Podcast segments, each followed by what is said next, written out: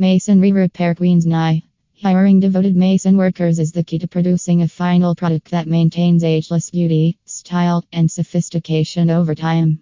As industry leaders, we're here to assist you achieve your objectives by providing customized solutions to any building issues. Our dedicated technicians are handpicked for their jobs based on their certificates, safety training, experience, and raw talent and excitement for excellent craftsmanship. We're also completely licensed and insured, which reduces your liability and provides you with peace of mind throughout the construction process.